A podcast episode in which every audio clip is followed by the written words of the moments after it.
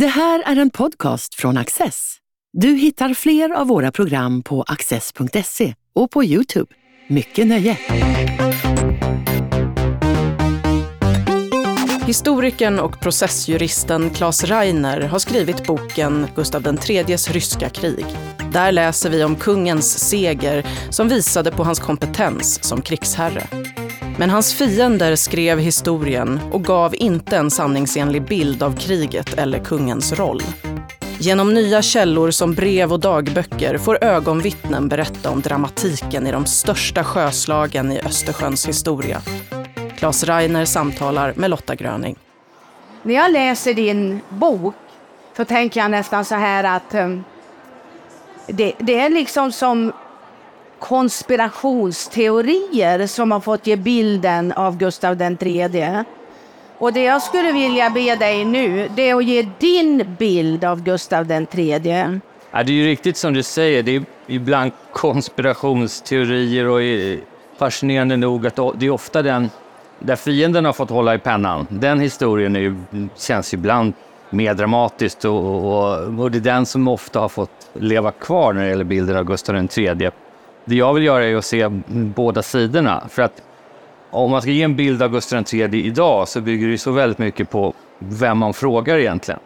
Och ofta är det liksom vem i tiden, vems berättelser har fått leva vidare. Och, och lyssnar man på fienden och motståndarna, då är ju bilden av Gustav III lite att ja, den här lite veke, svage teaterkungen, lite nedlåtande på ett sätt. Så vars insatser på andra områden förringar man ju gärna. Som, som, bara pratar franska. Precis, han pratar franska som om det var konstigt på 1700-talet, för det gjorde alla kungahus och adelsmän. Men eh, lyssnar man på andra, de som stötte honom, och vars bild kanske har försvunnit lite i historien, så där, där framkommer ju bilden av en, eh, liksom en egentligen visionär reformkung, egentligen ska jag säga, som låg väldigt före sin tid i, i många avseenden. För att han han tog ju över makten i en tid, och det man får tänka också när det gäller honom är ju att demokrati som begrepp fanns ju inte då. Det fanns inget demokratiskt samhälle, utan det var egentligen en styrde adeln eller styrde kungen egentligen. Och han tog ju över efter ett, ett korrupt adelsstyre egentligen under frihetstiden som man kallar den. Och han, ja, jag, jag skulle egentligen beskriva honom som en reformkung, för han gick med en otrolig energi det första han gjorde i han försökte reda upp, statsfinanserna var ju urusla efter den här frihetstiden. Han försökte reda ut det. Han, han genomförde ju reformer för att liksom, jämna ut maktfördelningen i Sverige på ett sätt som var helt före hans tid. Som skulle bli hans fall sen också på ett sätt. För att, ja, han blev enväldig. Han gjorde sig enväldig. Ja, han var nästan enväldig. Ja, nästan. Han, ja. han, han var inte så enväldig som Katarina stora av Ryssland till exempel, eller den franska kungen, utan riksdagen fanns kvar och de fick besluta om skatter och annat och sådär. Men kungen fick ju större makt. Det hade ju andra sin, hans mor Lovisa Ulrika Adolf Fredrik kämpat för. Men det han gjorde var ju att han såg att adeln hade ju all makt. Adeln bestod av kanske 0,7 procent av befolkningen vid den här tiden. De flesta var bönder eller borgare. Och det Gustav III gjorde, det är ju någonting som en reform som finns kvar än idag. Det är ju att ska man tillsätta statliga ämbeten så ska det ske enligt förtjänst och skicklighet, inte börd. Och det här står fortfarande kvar i förvaltningslagen idag. De här orden, förtjänst och skicklighet, som Gustav III ville, ville sprida. Och det här är ju liksom hans Det var väl det som retade adeln så mycket? va? Det retade ju på adeln, ja. otroligt. De blev ju av med sin maktställning i många delar redan 1772, men sen ännu värre 1789 sen. Och så det, det är ju en av de viktiga insatserna Gustav III gjorde. Utöver det som egentligen alla är överens om, hans stora insatser för konst och kultur och, och vetenskap. Han, han, var ju en, han var ju en upplysningskung som sin mor Lovisa Ulrika och, och pappan Adolf Fredrik. De, de trodde ju på förnuft, vetenskap. Det, det, det skulle styra, inte traditioner som, som ja, börd eller, eller sådana saker. Det, det, som jag tycker är så intressant, det var ju också att han kände till vad som pågick 1789 i Frankrike. Och han gjorde ju på något sätt, jag vet inte vad jag ska kalla det, men han gjorde ju också en liten revolution gentemot adeln då så att säga. Ja. Som sen drabbade honom själv i och för sig. Men liksom, han var ju med i tidsandan. Han gick ju hårt åt adeln och, och det var, ska man säga, om man ska säga vad var kritiskt mot honom också så var det det att han, han kunde ju ibland vara lite för osmidig. Alltså han gick för hårt mot adeln. De var ju stora och inflytelserika och de behövdes också för, för, för samhället och styret. Men han gick ju för hårt åt dem. Och särskilt hans revolution 1789 när han liksom inskränkte deras makt ännu mer. Men han gjorde det av en tanke också. Det här var ju bara några månader före den franska revolutionen. Och han har ju skrivit själv i sina brev till Sofia Magdalena, sin, sin fru till exempel, att en av anledningarna att han gjorde det här var att han ville undvika en situation som man såg i Frankrike. Bönderna och de stora folklagren gjorde revolution. Han såg ju den risken här i Sverige också. Och vad behövde han göra då? Då behövde han se till att de här stora folklagren fick mer inflytande. Och det gjorde han. Och de var jättenöjda. Borgare och bönder var väldigt nöjda med Gustav III även sent under hans skifte. Men sen fick han en adlig revolution Istället. istället, eller ett uppror. Det kunde han inte räkna med riktigt. Men du, jag tänkte på det när vi sa det här med konspirationsteorier. Det är hans fiender egentligen som har eh, monopol på berättelsen om Gustav III. Ja, mycket ser Ja. så. För att, Du ger en annan bild.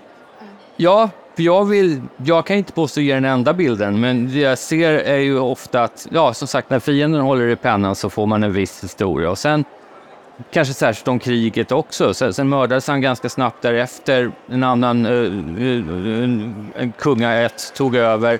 Då, då blev det liksom att eh, den segraren fick skriva historien istället och de här andra sidorna av beskrivningarna de kom lite i skymundan. Så att jag vill visa att det kan vara så här. Det kan vara så att segraren hade rätt i sin beskrivning, men jag vill också visa att andra sa det här och det kanske är riktigt det också, så får man själv bestämma hur, vad som skedde. Ge kort hans motståndares bild av kriget och, förberedelserna för kriget. Jag tror man de, och, och det är ju ofta, som sagt, bilden kommer från de som skrev i tillfälle. Axel von Fersen den äldre till exempel, som var en av hans främsta motståndare. Han skrev volymer och, och, om det här. Då sa de ju för sig, då, då tycker man att det här var en, en ja, den här teaterkungen som på något vis ville han hade inrikespolitiskt motstånd mot sig. Han ville göra sig känd som någon stor krigarkung egentligen.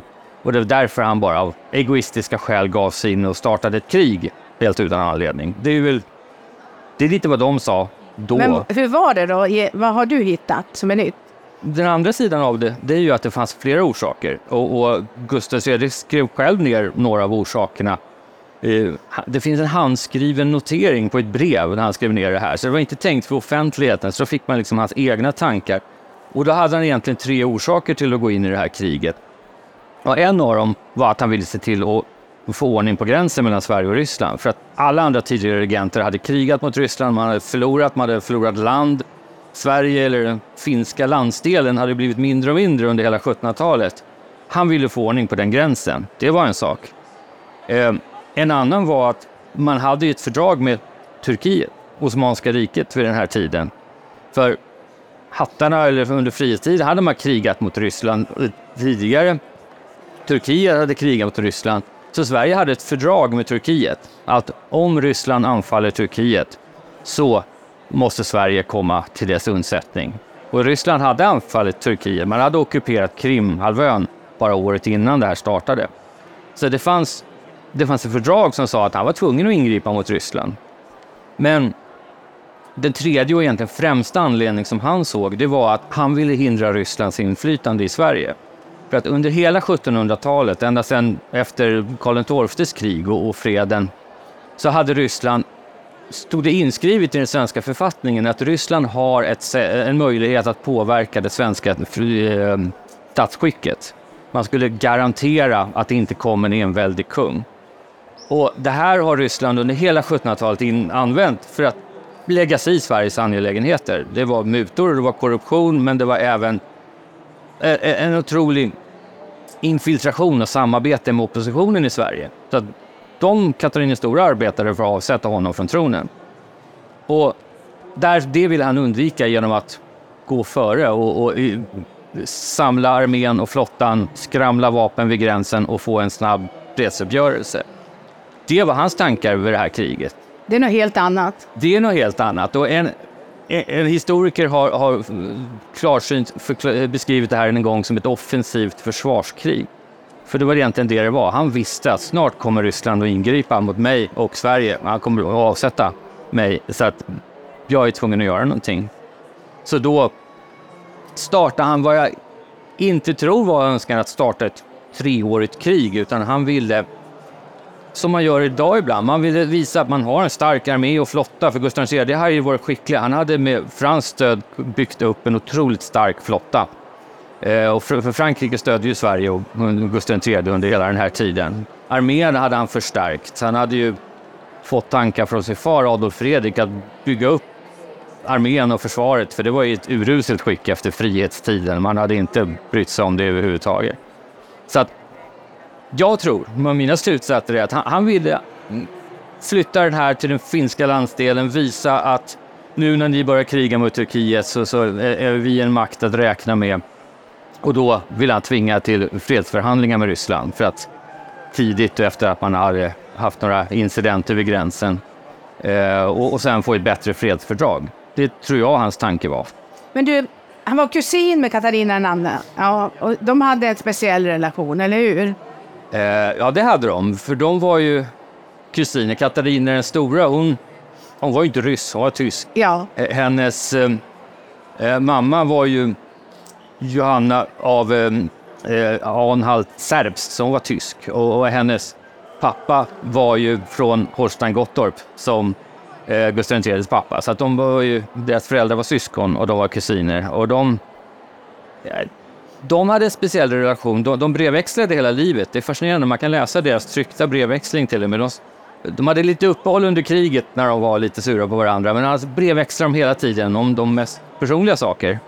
Och det fortsatte de med direkt efter kriget också. Så att de, Jag tänker på det här brevet som Gustav III skrev då att ja, nu har vi, kri- eller som typ, nu har vi krigat och nu kan, får vi vara sams igen. Och Ja. Han sträckte ju verkligen ut en hand. ja, jo. Det kanske var lätt för honom. Ja, men precis. Men alltså, de blev, alltså, bara månaden efter kriget så då var de ju vänner igen och Ja. ville bekämpa revolutionära Frankrike Ja, istället. Så det var ju stor politik. Men du, jag tänkte på det här nu idag. Alltså, det var en enorm flotta, han gjorde en enorm utrustning, men Sverige hade ju ganska dålig ekonomi. Eh, va- vad var det som Adam var mest arg på här nu då, som gjorde att de... Till slut gick de ju med på det, men alltså det var ju... Alltså det adeln var upprörd över alltid, det var ju egentligen som en allmän maktkamp. De hade, blev ju gradvis av med sitt inflytande mer och mer. Ja. Eh, och eftersom Gustav III ville ju ja, att, att de bredare lagren också skulle få vara med och bestämma. Sen blev de ju missnöjda med, med kriget också till slut och några officerarna gjorde uppror under kriget och sådana där Men det är saker. kanske också den finska adeln särskilt. Ja, det var särskilt den finska adeln. Ja. Och, och, och det där är ju aldrig svart eller vitt heller. Man vet inte exakt vad det berodde på. Det här Angela-upproret var det. Så det första året så gjorde en massa adelsmän uppror. Vissa av dem kontaktade till och med ryska kejsarinnan och vi- ville förhandla direkt, vilket ju var högförräderi under alla förhållanden. Eh, men vissa tro, har ju sagt att det bara skulle vara ett allmänt missnöje med Gustav III, att det här kriget skulle vara grundlagsstridigt och att man ville få någon sorts rättvisa. Men det låg så mycket annat bakom. Man, vissa var sura för att de inte blev befordrade, vissa blev sura för att de inte fick något inflytande politiskt och det här skapade ett stort missnöje. Och vissa var missnöjda med kungen också. Så, så var det också. Men det, det, det är alltid mer än bara en, en bild av, av det här missnöjet som fanns mot honom. Jag får känslan nästan att de såg det här kriget som förlorat från början. Jo, visst har det beskrivit att det var ett hopplöst krig. Det var Ja. omöjligt. Men det var ju på intet sätt. Alltså, den ryska kejsarinnan och militärledningen i Ryssland, de var skakade riktigt under det här kriget, under flera gånger. Alltså, de, de evakuerade kejsarinnan från Sankt Petersburg ibland, för man var rädd att nu kommer verkligen Gustav III och, och, och, och invaderar. Och, och, och, och någon gång sa en rysk general när Gustav III kom, för han var ju fält, han var ju Katarina den stora hon satt ju i sitt palats i säkerhet under hela kriget. Gustav III var ju frontlinjen hela tiden. Och en general sa någon gång att ja, antingen är det djävulen som kommer eller så är det kungen av Sverige. För de, de var riktigt hotade. det, det var de. Och det är klart att Ryssland var ju en gigant eh, och Sverige var, var ju mycket mindre. Men Gustav III var ju strategiskt, för han visste att ryssarna var ju, de var upptagna i krig i söder, i Turkiet. De var upptagna i Polen där man höll på och delade upp landet. Uppe i norr var försvaret jättesvagt. Så att han visste ju att de svenska och, och, och ryskarna, flottan och arméerna, de var ungefär jämbördiga i Finska viken vid den här tiden. Ja, att för var- annars så sågs ju Ryssland som mycket starkare generellt sett. Ja, men du, kan du inte berätta lite om den flotta som han byggde upp? Alltså antal båtar och... Eh, han byggde upp det med franskt stöd, för det här var ju stor politik i, alltid. När Ryssland sågs ju som ett hot av Frankrike, så Frankrike stödde i Sverige. Så att under hela, från mitten av 1700-talet och framåt så lyckades ju eh, och efter att Gustav III tog över så fick man ju fram stöd och bygga upp flottan. Eh, och man fick, tog ju också hjälp av liksom den här innovatören Chapman som såg till att utforma en helt ny typ av linjeskepp, som man kallade det, eh, som skulle vara mer effektiva i Östersjön. Ryssland hade mer större, gammeldags, tunga linjeskepp. Eh, Chapman var ju otroligt effektiv att bygga upp en, en flotta som skulle vara snabbare, mindre djupgående, som skulle fungera just effektivt i just Östersjön. Så Han var man en ju- viktig för, person här. Ja. Ja, han var viktig, Chapman, både för liksom skeppens utformning och, men även för taktiken och strategin. Och det här tyckte ju Gustav III om, för det här var ju det här var något det- den gamla stridstekniken handlar om att alla skulle stå, ungefär både armén och flottan, man lägger sig på en rak linje och så Ja, står man och skjuter på varandra rakt fram bara och så ser vem som tröttnar först ungefär. Men Chapman och även Gustav III och många av hans generaler, de var ju lite mer innovativa. Många av de här hade slagits i amerikanska inbördeskriget och influerats av att man skulle vara mer flexibel. Man måste ju röra lite på sig och, och se till att vara lite taktisk, överraska fienden med lite motanfall och annat. Och där, det där tyckte Gustav III om. Och det tillämpar de i stor utsträckning och det var ju därför det gick bra i många slag också. Men ett tag var det ganska tufft va? Kan du inte berätta lite grann bara sen hur de vann kriget? Men ett tag hade de det ganska svårt, eller hur?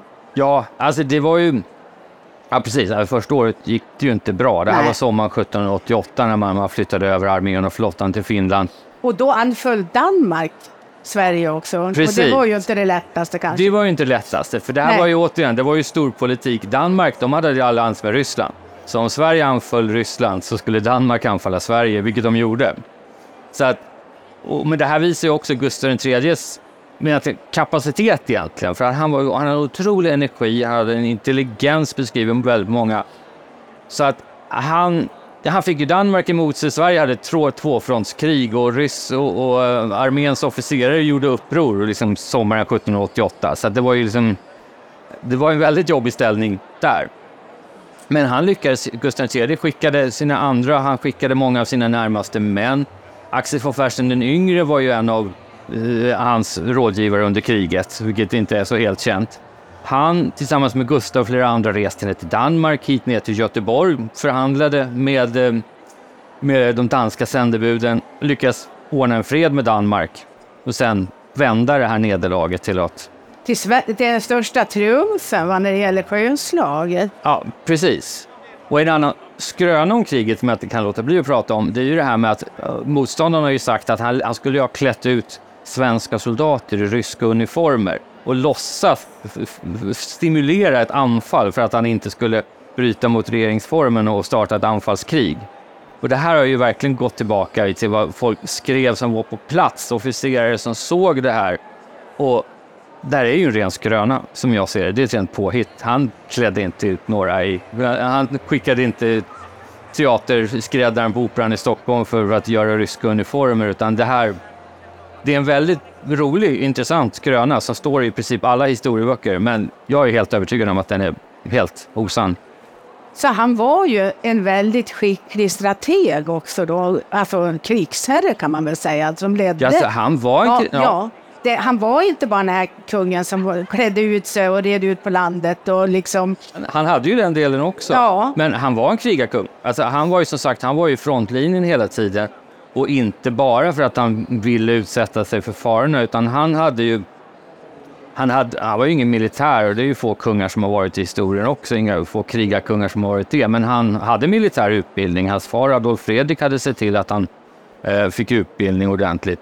Och han, han var en strateg. Han, han kunde se den, den stora bilden och se och han lyssnade alltid på sina officerare och sina generaler. Man gick ibland emot dem och ibland lyssnade han på dem. Men han, han bestämde. till och med hans fiender, någon av de som var med i Angelupproret, har sagt, skrivit till en vän att Gustav III, han har nog möjligheten att bli en väldigt god general.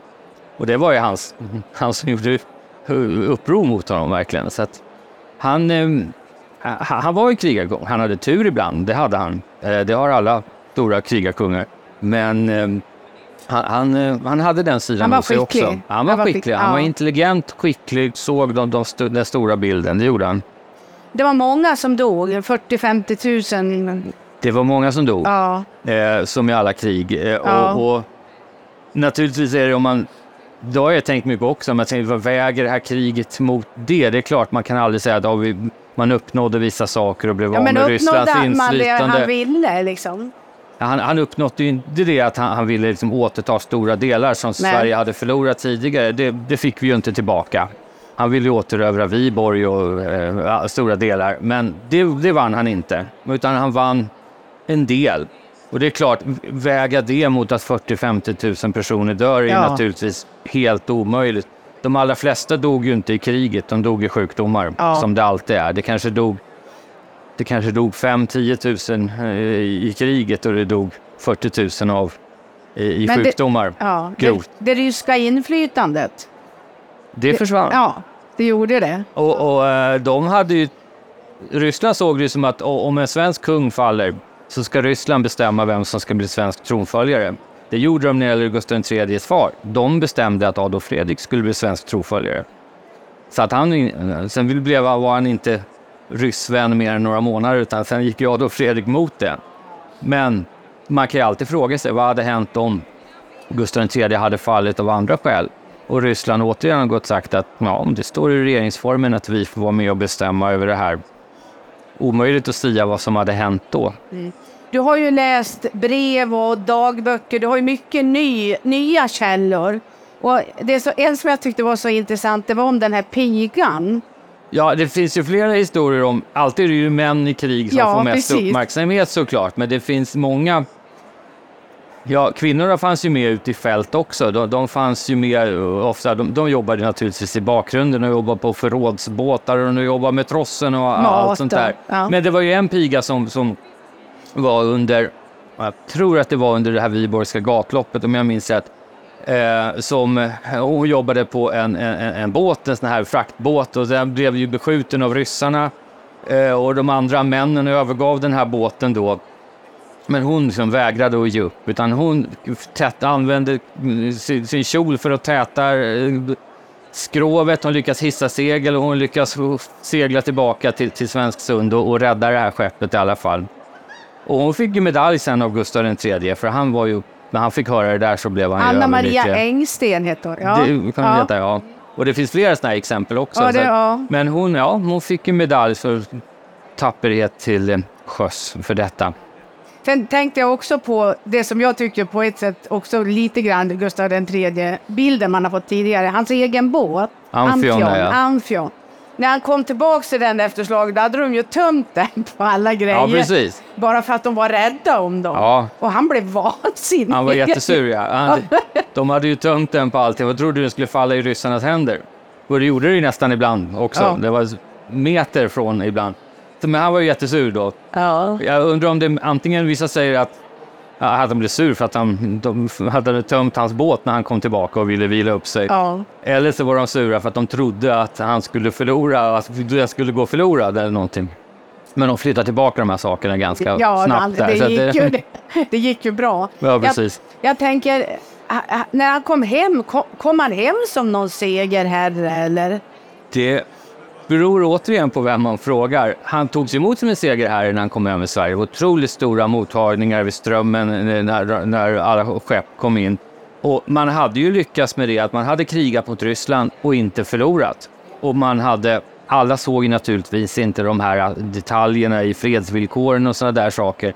Men han kom hem till Ryssland som en segrare. Borgarna som hade borgerskapet i Stockholm hade ju vaktat staden och skött liksom militära vakthållningen i Sverige under kriget. De tog emot honom som en hjälte. Eh, sen, De hade stött han hela tiden. de hade stött Ja. honom hela tiden.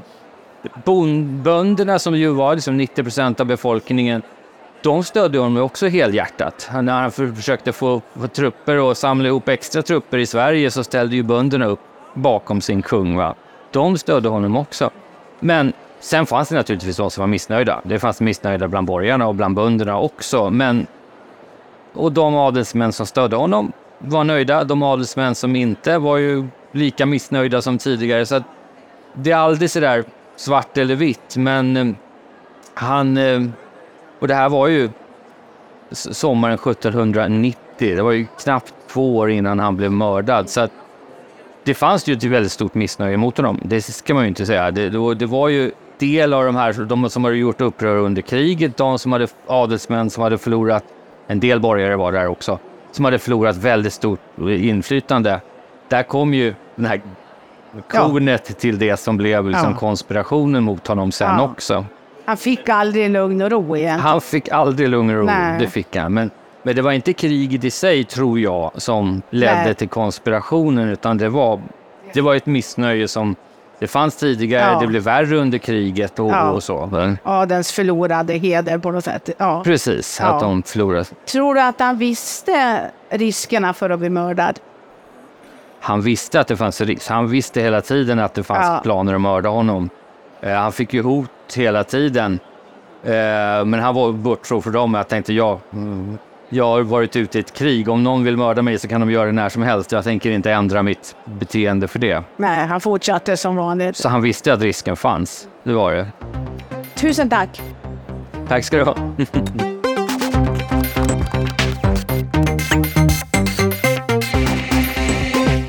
Du har just lyssnat på en podcast från Access. Du vet väl att vi också är en tv-kanal och tidning? Teckna en prenumeration idag på access.se.